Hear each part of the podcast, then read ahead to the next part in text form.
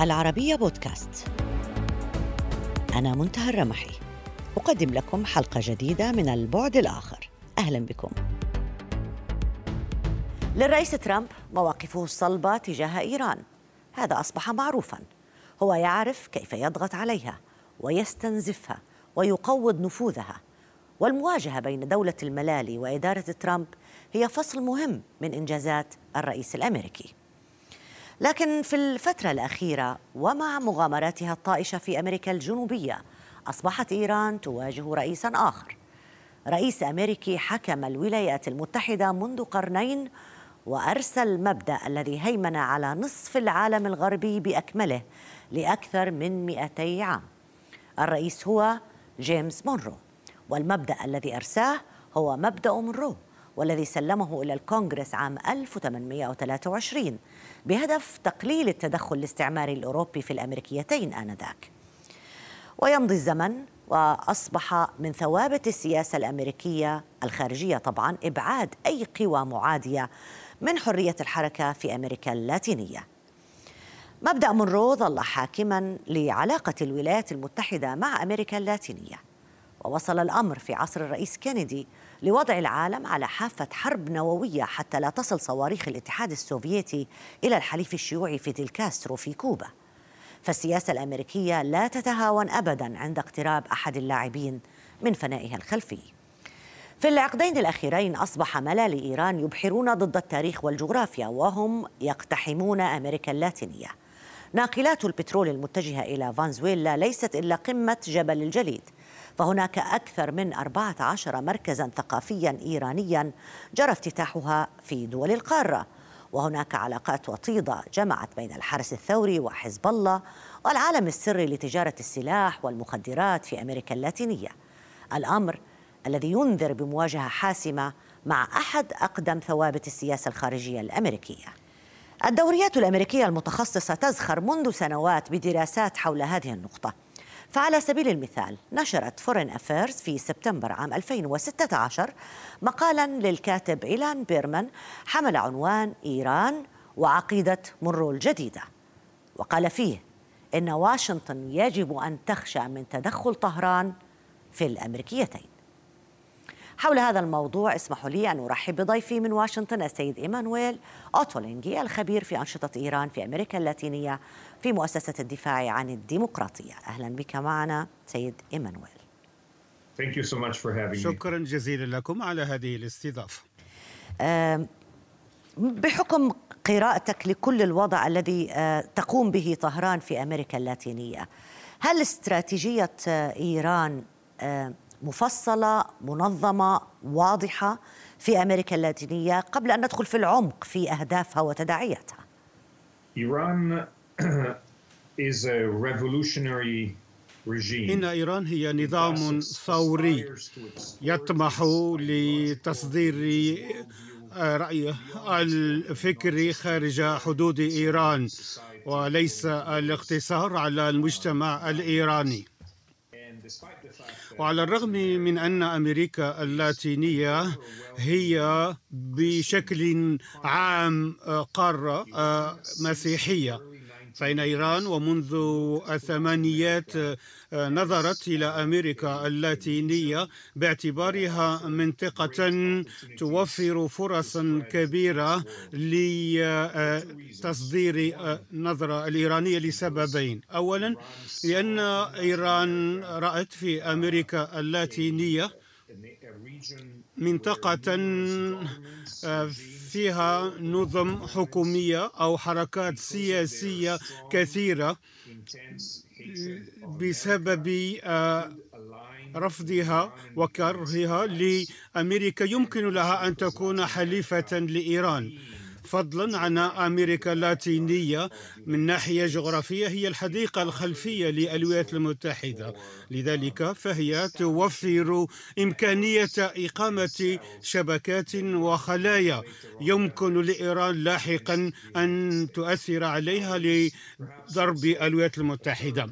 وهناك ربما سبب ثالث في اهتمام إيران بأمريكا اللاتينية لتوسيع نفوذها ويعود لذلك من الناحية التقليدية وتاريخية آه، وجود آه، هجرة أو حركة هجرة واسعة إلى أمريكا اللاتينية آه، قادمة من الشرق الأوسط وهناك جاليات كبيرة من اللبنانيين أو السوريين وكذلك جاليات مسلمة بعضها شيعة. وهناك أيضا وجود فلسطيني في بعض البلدان مثل تشيلي. إذا بالإضافة إلى التواصل مع نظم وحركات سياسية في أمريكا اللاتينية هي مناهضة للولايات المتحدة ترى إيران أنها تستطيع أن تستخدم تأثيرها المباشر أو استخدام حزب الله كوكيل. وذلك من أجل الحصول على ولاء من بعض الجاليات الشيعية في أمريكا اللاتينية وأحيانا من خلال استغلال القضية الفلسطينية وغيرها من القضايا بين الجاليات أي هناك ركائز ركائز كثيرة يمكن أن تعتمد عليها إيران للدخول لهذه المناطق لتحقيق استراتيجيتها. الفكرة هي أن إيران تريد أن توسع نفوذها في منطقة أمريكا اللاتينية. لا تستطيع أن تفعل كما كما تقوم أو تفعل بالشرق الأوسط بالميليشيات والتسليح والتدريب. لكنها تفعل بطرق أخرى. قد تكون البوابة الثقافية واحدة من هذه الطرق. وفيما تتفضل به يبدو أن إيران تستخدم هذه الاستراتيجية منذ عقود من الزمن. ما الذي تفعله الولايات المتحدة الأمريكية بالمقابل؟ وهي تعلم ما الذي تريده إيران من هذه المنطقة.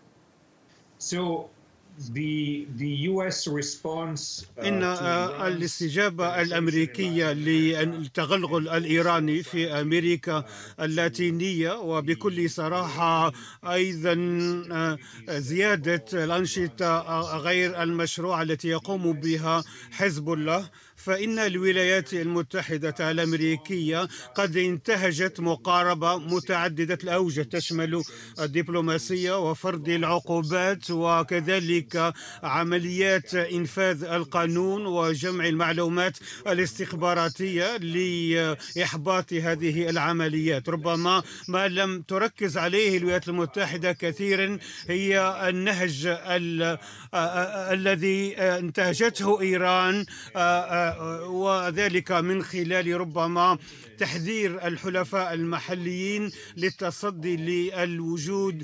المؤسسات الدينية والثقافية المتزايد والمرتبطة بإيران وحزب الله. وهذه المؤسسات ليست موجودة للاستجابة للحاجة الدينية للمسلمين في المنطقة وإنما كانت أدوات للدعاية والتطرف نيابة عن الجمهورية الإسلامية. لكن الولايات المتحدة الأمريكية هل يمكن لها أن تنجح في مقاومة هذا النفوذ الإيراني؟ طالما بقيت لم تكسر فكرة حاجز ما يجمع هذه الدول مع إيران وهو حاجز الكراهية للولايات المتحدة الأمريكية. كلهم يؤمنون بنفس المنطق أنه الدولة الإمبريالية الأمريكية. لو أخذنا فنزويلا على سبيل المثال من أيام هوغو تشافيز والآن مادورو ولم يختلف كثيرا في سياستها وأيديولوجيتها. إذا بتتلاقى الأيديولوجيات هنا ما الذي تستطيع أمريكا أن تفعله أكثر من المعلومات استخبارية ومحاصرة وتقارير تخرج من هنا وهناك؟ مرة أخرى فنزويلا مثال وجيه. فالولايات المتحدة قد استهدفت القيادة الفنزويلية من خلال فرض عقوبات عليهم وتجميد أصولهم وتوجيهتهم لهم لمحاكمتهم. وقد دعمت الحكومة الشرعية لإخوان غوايدو وقامت أيضا الولايات المتحدة بالعمل من خلال القنوات الدبلوماسية في المحافل الدولية مثل منظمة الدول الأمريكية وذلك من أجل بناء علاقات قوية. وكذلك حثت الحكومات في أمريكا اللاتينية للاعتراف بغوايدو وقطع العلاقات مع مادورو. وسعت أيضا لاستهداف المؤسسات المالية والشركات الشركات ذات الصلة بمساعدة نظام مادورو من خلال فرض العقوبات عليها كما حدث مؤخرا ضد السفن التي تنقل الوقود من إيران إلى فنزويلا. وهذا مثال على ذلك يثبت تحرك الولايات المتحدة ضد إيران كما استهدفت الولايات المتحدة العمليات الفنزويلية التي تدعم الاتجار بالمخدرات التي تصل إلى الشرق إلى الولايات المتحدة وأوروبا والشرق الأوسط لأن فنزويلا بدل عبور وحزب الله يساهم في ذلك. ما أخفقت فيه الولايات المتحدة هو في استهداف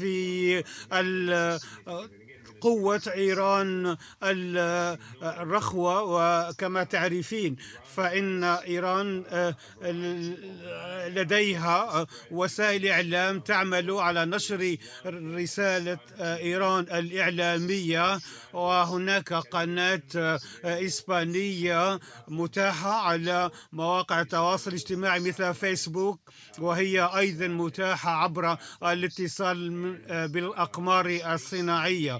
هذه القناة موجودة في إسبانيا ولديها عمليات في أمريكا اللاتينية. والكثير من الصحفيين الذي يعمل هذه القناة واسمها سبان تي في هم ليسوا بالإيرانيين أو اللبنانيين وإنما هم مسيحيون من أمريكا اللاتينية يدعمون إيران وفنزويلا وهم يعملون خارج فنزويلا. وهذا مثال يبين أن الولايات المتحدة لم تتحرك أو لم تهتم بما فيه الكفاية للأدوات التي تستخدمها إيران لتنفيذ تنفيذ أجندتها السياسية. وهناك سوابق حيث أن الولايات المتحدة من خلال الدبلوماسية والعقوبات وإنفاذ القانون استطاعت أن تقنع حكومات أو آه، شركات أقمار صناعية بإغلاق القنوات التلفزيونية ذات الصلة بالكيانات الإرهابية. هذا ليس بالشيء الذي لم يتم من قبل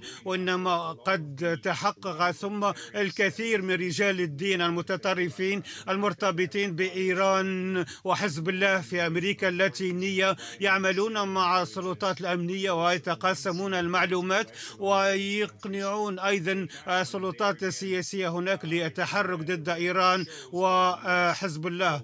وهناك طبعا نقص من جانب الولايات المتحدة في هذا المجال.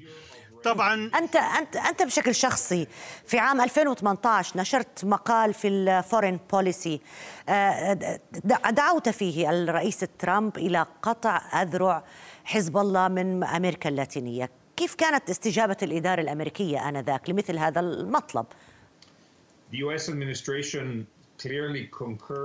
إن الإدارة الأمريكية بالتأكيد هي تؤيد الهدف وكما تعرفين آه، آه، بالتأكيد فإن الولايات المتحدة من خلال جهودها الدبلوماسية أنجزت الكثير في 2018 و 2019 فالأرجنتين صنفت حزب الله منظمة إرهابية وأنشأت سجل للكيانات الإرهابية وبدأت في فرض قياد عقوبات على قيادة حزب الله والباراغواي.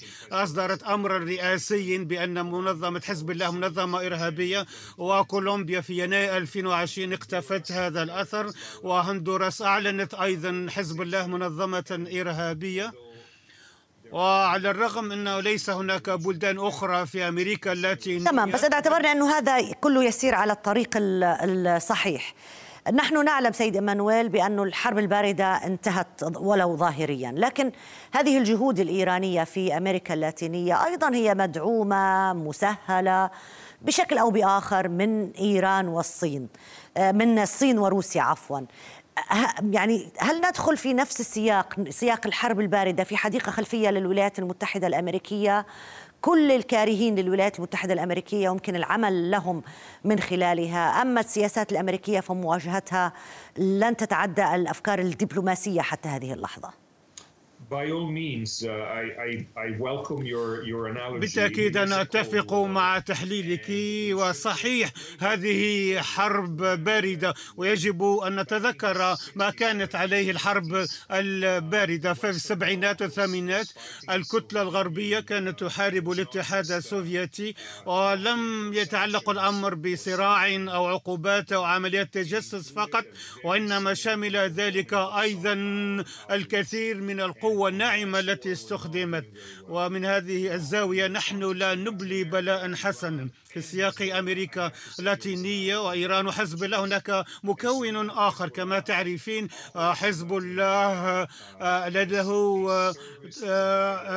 موقف أو وضع المقدم الخدمات لتنظيم العمليات الإرهابية. هو يقوم بغسل الأموال والاتجار بالمخدرات والأسلحة والبشر. إذا على صعيد آخر هناك تحقيقات تجري وأجهزة آه، الإنفاذ القانون والأجهزة الاستخباراتية تركز على ذلك. لكن نتائج هذه الأعمال كلها هي أقل بكثير مما نحن بحاجة إليه للحصول على أثر كبير على عمليات حزب الله. هناك مثال كبير وليس بالضرورة متصل بأمريكا اللاتينية الإفراج مؤخرا على أسس إنسان اللبنانية لقاسم تاج الدين اللبناني الممول اللبناني المقيم في غرب إفريقيا والذي اعتقل في المغرب عام 2017 وتم ترحيله الولايات المتحدة. على مدى عقود تم تحقيقه في هذا الشخص وأقل من ثلاث سنوات في آه، آه، السجن تم الإفراج عنه وإرساله إلى لبنان وحظي باستقبال الأبطال. يجب أن نحسن أدائنا على كافة الصعد يجب أن يكون لدينا استراتيجية تركز على القوة الناعمة وعلى الرأي العام وتسلط الضوء على أنشطة إيران وأذرعها الخبيثة في أمريكا اللاتينية نحتاج المزيد من الأعمال القوية. ونريد من البلدان أن تتحقق وتعتقل وترحل ممولي حزب الله. نريد أيضا نتائج سياسية إيجابية في شل حلفاء إيران في المنطقة بدءا بفنزويلا. نحتاج لجمع المعلومات الاستخباراتية بطريقة أفضل من منظور سياسي. وفيما يتعلق بتحديد الأهداف فإن الإدارة الأمريكية قد سارت في الطريق الصحيح على مدى السنوات الأربع الماضية. والأمر يبدو أنه تجاوز فقط القوة الناعمة ومحاولة الضغط الإيرانية. وصلنا لمراكز تدريب لحزب الله قريبة من الكاريبي أيضا في فنزويلا. والأسماء كثيرة. محسن رباني سهيل الأسدي طالب حسين خزرجي. كل هذه الأسماء يمكن وضع علامات استفهام وخطوط حمراء تحتها بشكل واضح ومباشر. ألف شكر لك سيد إيمانويل أولكلينجي على المشاركة معنا في البعد الآخر. شكرا جزيلا آخر. لعقود طويلة عانت دول أمريكا اللاتينية من مشاكل متعددة. النسيج السياسي والاقتصادي فيها بالغ التعقيد ولا يخلو من المفارقات. فبعض أغنى الدول في الموارد تضم أفقر الشعوب من حيث الدخل. وبعض الدول تتمتع فيها الحكومات بسلطات غير محدودة بينما تجد عصابات الجريمة المنظمة مساحات واسعة من حرية العمل والازدهار. في ظل هذا الواقع المعقد كيف يبدو التغلغل الإيراني لأهل أمريكا اللاتينية؟ كيف نستطيع أن نقرأ محاولات الملالي لاقتحام هذه البيئة الصعبة عبر مراكز ثقافية أو علاقات معلنة مع أنظمة استبدادية وعلاقات خفية أحيانا مع عصابات منظمة؟ كيف يشعر أهل البلاد أنفسهم بهذا التسلل الإيراني لأوطانهم؟ حول هذا الموضوع اسمحوا لي أن أرحب بضيفتي الدكتورة فانيسا نيومان الناشطة في المعارضة الفنزويلية أهلا بك معنا دكتورة فانيسا Thank you. Thank you. فانيسا كيف يمكن النظر أو هل هناك إدراك حقيقي من قبل المواطن في أمريكا اللاتينية في فنزويلا تحديدا لخطورة التغلغل الإيراني سواء بالقوة الناعمة الآن أو حتى ب آه، آه، غسيل الأموال وتهريب المخدرات وغيرها أحيان أخرى. إن العلاقة بين إيران وفنزويلا بدأت منذ فترة طويلة من الزمن بالأساس بدءا من عام 2001 منذ توقيع الاتفاقات الأولى مع الرئيس تشافيز ثم بعد ذلك في عام 2003 وبعدها. الجميع يدرك التغلغل الإيراني في فنزويلا حيث نرى ناقلات النفط التي تجلب الوقود وسط احتفالات من قبل نظام مادورو على الرغم من أن هذه الناقلات هي التي تمول النظام الإيراني ولا تفيد الشعب الإيراني. وهناك أيضا مركز تجاري تم تدشينه من طرف الرئيس الفنزويلي والرئيس الإيراني والسفير الإيراني في كاراكس من أجل الدعاية لإيران. وأخيرا وليس آخر قبل بضعة أيام فقط فإن رئيس كولومبيا أعلن أن لديه معلومات استخباراتية تفيد بأن الرئيس مادورو يسعى لشراء صواريخ من إيران. ليس هناك دليل عن أن فنزويلا اشترت هذه الصواريخ أو قامت بتركيبها لكن الرئيس مادورو يرغب في شراء هذه الصواريخ. إذا من خلال الناقلات والمركز التجاري ثم ما صرح به الرئيس كولومبولي فإن كل الفنزويليين الذين لديهم معلومات بهذا الشأن يعرفون أن إيران تسيطر على آلة القمع في فنزويلا على مستوى الشارع في فنزويلا دكتورة فانيسا آه، هل يراقبون ما الذي يحدث في الدول التي تسيطر فيها إيران على القرار؟ يعني مثلا لبنان. لا يكاد يخلو عام من الأزمات داخل لبنان وكذا الحال بالنسبة لليمن. العراق في حالة آه، يرثى لها. هم في منطقة أمريكا الجنوبية في فنزويلا يتعاملون مع عصابات ومع جريمة منظمة. على مستوى الشارع هل ألا يخشون من هذا التدخل الإيراني؟ ما موقفهم؟ Well, unfortunately, those of us, those للأسف آه، نحن الفنزويليون الذين لدينا معلومات آه، ونستقيها من العالم ولدينا حلفاء في العالم نشعر ببالغ القلق إزاء ذلك. المشكلة الخاصة بفنزويلا يمكن أن تساعدونا في ذلك بينما نبني تعاون بيننا هو أن الرقابة التي يفرضها نظام مادورو لقنوات الإنترنت آه، بمساعدة روسيا والصين فهم يتحكمون في موقع تويتر وكذلك يعمد النظام إلى قطع الإنترنت آه، آه، عن المواطنين الفنزويليين وقد نجحنا في آه، إنشاء تلفزيون مباشر في فنزويلا حيث بوسعنا الآن توجيه رسائل معاكسة للفنزويليين نحن نحتاج لإشراك القاعدة الشعبية ومساعدة أصدقائنا وحلفائنا من خلال تطبيقات الإنترنت لمساعدة شعبنا. ما حدث ويحدث وما آه، يسعى إليه مادورو هو أن تواصل إيران المساعدة بتقديم الوقود والغذاء لكنها لا تفعل ذلك. وفي المقابل فإن إيران آه، تستولي على أي موارد طبيعية وتواصل تمويل قوى الفساد التي تقتل وتعذب شعبي. نحن بحاجة للمساعدة لإرسال هذه الرسائل إلى الشعب من خلال المنشورات والاجتماعات المحلية وكذلك مجموعات الواتساب. أين تلتقي مصالح هذا النظام الفنزويلي؟ فنزويلا دولة نفطية كبيرة ولكنها تعاني من أزمة اقتصادية خانقة تماما.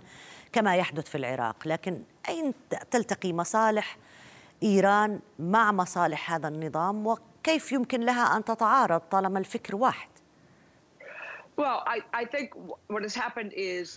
أعتقد أن ما حدث هو أن لدينا تاريخ طويل. بدأ بفكر مشترك بمناهضة أمريكا ومناهضة الإمبريالية الأمريكية. هذا هو المنشأ. ثم جاء النفط. إذا ما حدث هو أن إيران وفنزويلا كانت لديهم علاقات تاريخية بسبب أوبك.